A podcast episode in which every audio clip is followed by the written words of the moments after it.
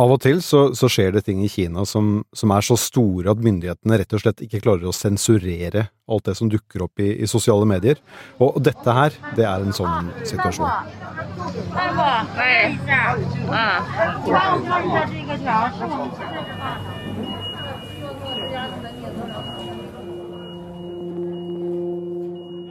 For den siste måneden har nemlig videoer av proppfulle sykehus med covid-syke i senger, i gangen og på gulvene, og køer med døde utenfor krematoriene dukka opp.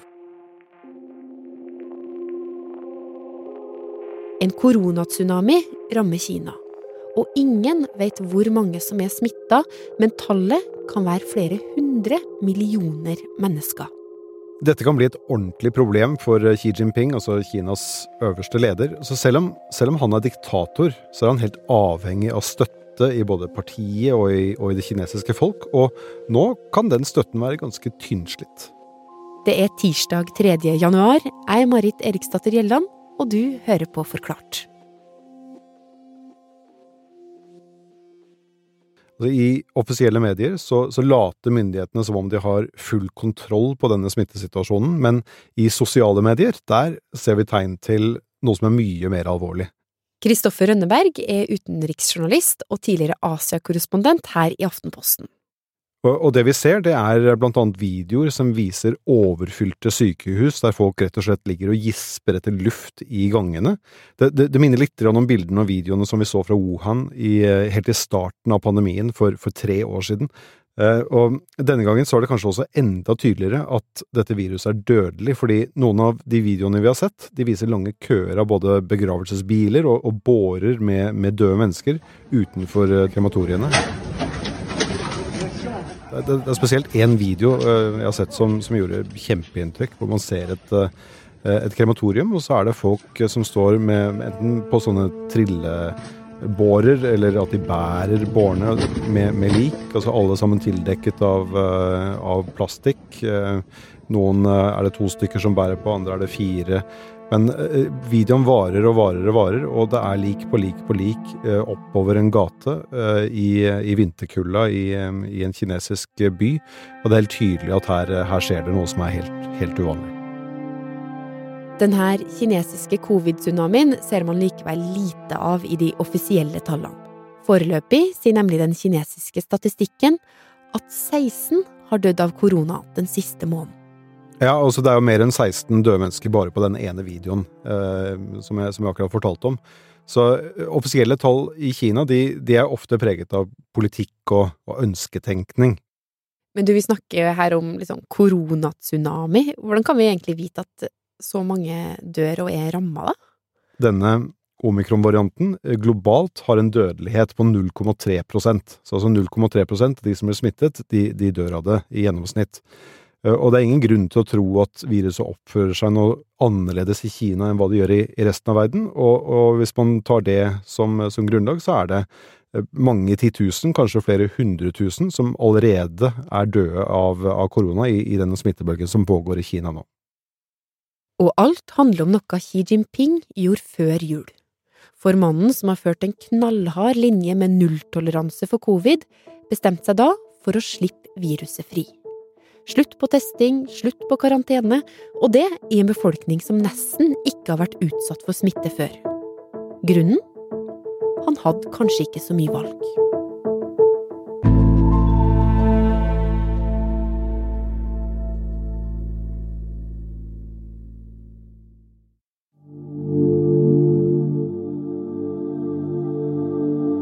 På flyplassen i Milano landa det to fly fra Kina nå i jula som skapte overskrifta 'Verden rundt'. For historia om de her flyene gjorde det helt klart for folk at covid-situasjonen er ganske annerledes i Kina enn i Europa akkurat nå. For passasjerene ble testa for korona, og rundt halvparten av testene var positive. Det forteller jo veldig mye om hvor enorm den bølgen som eh, kineserne gjennomgår, faktisk er. da. Og, og, og, så gjør det at mange land nå lurer på hvordan de skal forholde seg til innreisende fra, fra Kina. Altså USA og Italia de krever nå at passasjerer skal teste negativt før de får, før de får slippe inn. Og flere andre land vurderer å, å gjøre det samme. Men i andre land, som, som her i Norge, så, så, er ikke det aktuelt foreløpig. FHI for eksempel sier at uh, smittebølgen som pågår her i Europa ikke vil bli noe mindre eller større av at det kommer folk fra Kina som har viruset hit. Og, og de påpeker at viruset uansett har vist, at det, har vist at det klarer å spre seg nesten uavhengig av, av hvilke tiltak man gjennomfører. Hm. Men Kristoffer, altså hvordan havna Kina i en svær covid-bølge nå, altså over tre år etter at viruset først begynte å spre seg? Kina var jo det første landet som opplevde eh, hvordan dette viruset oppfører seg. Det var jo i Wuhan at det ble oppdaget på tampen av, av 2019. Og hvis vi husker tilbake til våren 2020, da, da, viruset begynte å spre seg i Kina, og vi snakket mye om, om det, så, så, stengte de jo ned Wuhan og, og, flere andre kinesiske byer, og innførte skikkelig strenge smitteverntiltak, der folk måtte testes hele tiden, de ble satt i karantene over en lav sko, og, og det fungerte jo veldig bra, helt til denne omikron-varianten kom. I i april i fjor så ble Shanghai stengt ned og var stengt i to måneder, og det, det gjorde at folk ble veldig sinte og, og, frustrerte. Og denne frustrasjonen den bare vokste og vokste i løpet av, av året, altså 2022, og, og, i november så eksploderte det. Protests in China against the government's strict COVID measures there have intensified. In Shanghai, in Wuhan, in Guangzhou. Now the people are protesting against his regime. Protestene var de største i Kina på over 30 år. Og ikke bare demonstrerte folk mot smitteverntiltakene, de ropte også ord som 'ned med kommunistpartiet' og 'ned med Xi Jinping'. Og de holdt opp hvite, blanke ark i protest mot sensuren og regimet. Ja, og det at de protesterte i så mange byer samtidig med, med et så klart budskap, som til og med gikk på liksom, selve partiets og Xi Jinpings legitimitet, det, det, det, var nok noe som ble tatt veldig, veldig alvorlig i, i, i kommunistpartiets ledelse. Det er mye som tyder på at omikron allerede da var i ferd med å spre seg igjen over, over hele Kina. Um, fordi Eh, tidlig i november så hadde en smittevernsjef fortalt at store endringer var på gang. Så, så, myndighetene visste nok at de var i ferd med å miste kontrollen på, på viruset, og at det, det, kanskje ville være det beste å bare bli ferdig med det så fort som mulig. Eh, det var som om demningen uansett var i ferd med, med å briste. Og grunnen var ikke bare omikron. Det var nemlig én ting til som gjorde at kinesiske myndigheter egentlig ikke hadde noe annet valg enn å åpne opp før jul. China's slowing growth in a country where youth unemployment stands at a staggering 19%. And China has said it needs to maintain growth at that rate if it's going to provide enough jobs for all the young people who want to enter uh, the labor market. Og det handla om økonomi. Kina er jo verdens nest største økonomi, og, og siden 70-tallet, siden slutten av 70-tallet, så har landet hatt en økonomisk vekst som til tider har vært helt uh, spinnvill. Eh, og så har den veksten roet seg litt det siste tiåret, men, men det lå fortsatt på rundt 6% før pandemien kom, som er liksom en dobbelt så høyt som hva vi er vant til i, i Norge, for eksempel. Eh, I, I 2022 så hadde myndighetene håpet på rundt 5,5% men de landet sannsynligvis på rundt liksom, halvparten av det. Og, og, det er veldig alvorlig, fordi hele den kinesiske modellen er basert på vekst og vekst og vekst, og, og nå står det massevis av uferdige bygninger og industriparker fordi utbyggerne ikke lenger har penger til å gjøre dem ferdige, og, og det gjør at veksten svekkes også, også, i tiden som kommer. Mm. Og hva handler alle de her økonomiske problemene i Kina om, da? Eh, altså den kinesiske økonomien er, er, preget av veldig mye gjeld, eh, og, og, det er fordi de har vært optimistiske og har tenkt at økonomien vil fortsette å gjøre det bra, og da er det ikke så farlig om bedriftene skylder mye penger. Men så begynte det å lugge litt allerede før eh, pandemien, egentlig, og, og spesielt i eiendomssektoren så ble det stopp i, i, mye av utbyggingen. Og samtidig som det skjedde, så begynte Xi Jinping å stramme inn på flere områder, fordi han ville at partiet skulle ha større kontroll på økonomien, og, og dermed innførte han reguleringer i, eh, som har hemmet spesielt teknologiselskapene og, og gjort det vanskeligere for dem å, å utvikle seg. Og mens dette har skjedd, så har USA og andre land også blitt mye mer kritiske til kinesiske selskaper, spesielt teknologiselskaper som, som Huawei, og, og, og, det er ikke bra for, for business. hvis man da på toppen av alt dette her plusser på pandemien, som har redusert produksjonen av alt mulig og, av varer, og, gjort at den kinesiske mann og kvinne i gata ikke lenger har vært villig til å bruke like mye penger som myndighetene gjerne vil at de skal gjøre, så, så får du en økonomi som, som egentlig står og vakler ganske faretruende.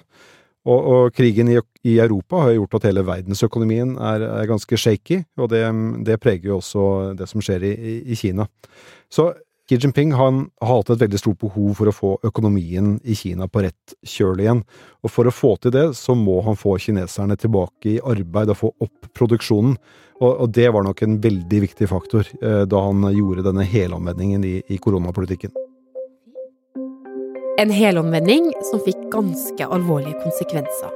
Over 250 millioner mennesker ble smitta i løpet av tre uker, ifølge en lekka rapport fra helsemyndighetene. But as a result of easing restrictions, the virus is now spreading rapidly across towns and cities. Cases of COVID 19 are rising significantly in China. Men hvordan håndterer myndighetene denne enorme smittesituasjonen de er i nå, da? Nå tror jeg det viktigste for dem er å bare bli ferdig med dette så fort som overhodet mulig. Og, og, det er derfor de ikke gjør noen ting for å forhindre at, at viruset sprer seg. De holder tilbake informasjon om hvor alvorlig det er, og de håper nok at de reelle dødstallene ikke vil gjøre at folk blir like sinte for gjenåpningen som de, som de ble for de strenge smitteverntiltakene. Eh, det store spørsmålet nå i ukene som kommer, er, hva som skjer ved kinesisk nyttår, altså som, eh, som kommer 21. januar. Fordi i nyttårsperioden så skal flere hundre millioner kinesere reise rundt i landet, spesielt ut til landsbygda, for å feire sammen med foreldre og, og familie. Og, og, de kommer til å ta med seg viruset fra storbyene og ut på landsbygda. Og da får vi en ny stor bølge der.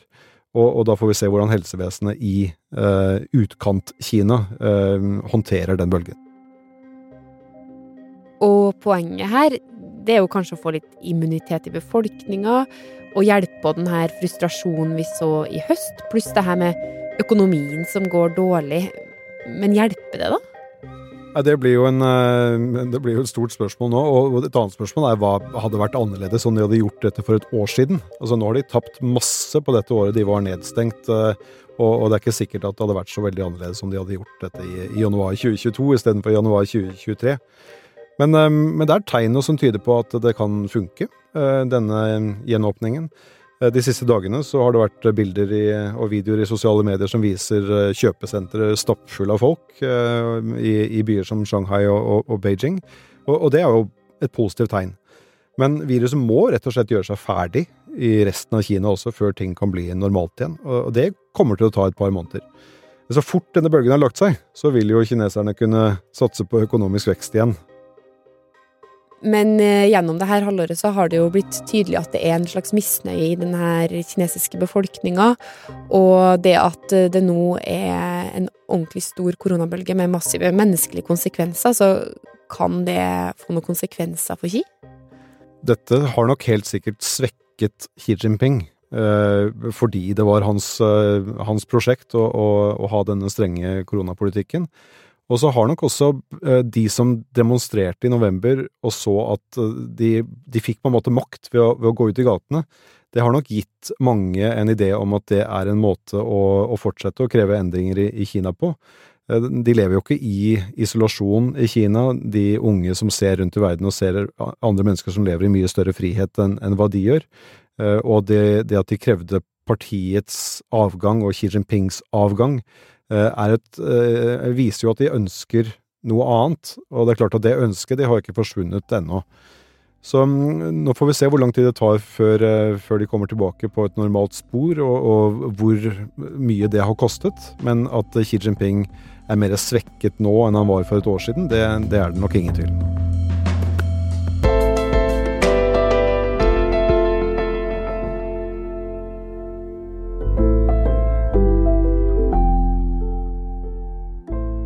Du har hørt en podkast fra Aftenposten, og utenriksjournalist Kristoffer Rønneberg fortalte deg om Xi Jinpings utfordringer nå på nyåret. Lyden du hørte, var fra Joyt Jeet, New York Times og 24-7 China News på Twitter, BBC, Democracy Now, Deutsche Welle, CNN, PBS og Al Jazeera. Episoden er laga av produsent Jenny Føland og meg, Marit Eriksdatter Gjelland. Resten av Forklart er David Vekoni, Anne Lindholm, Philip A. Johannesborg, Synne Søhol og Anders Weberg. Jeg vet ikke om jeg kommer hjem i live eller i kiste. Hun fikk en dødelig diagnose, men nekta å gi opp. I et halvt år har vi fulgt kreftsjuke Shabana Rehman. Nå tenker jeg at vet du hva, jeg har lyst til å leve. Men hvor kom denne kampgløden fra? Da trenger jeg deg her, mulla Krekar. I 25 år har hun prega samfunnsdebatten. Og det hun gjør da, det er at hun kysser meg. Det har kosta. Det føltes ut som et ordentlig drapsforsøk, ikke sant? Er det krigserklæring, liksom? Shabanas verden. En dokumentarserie i seks episoder fra Aftenposten.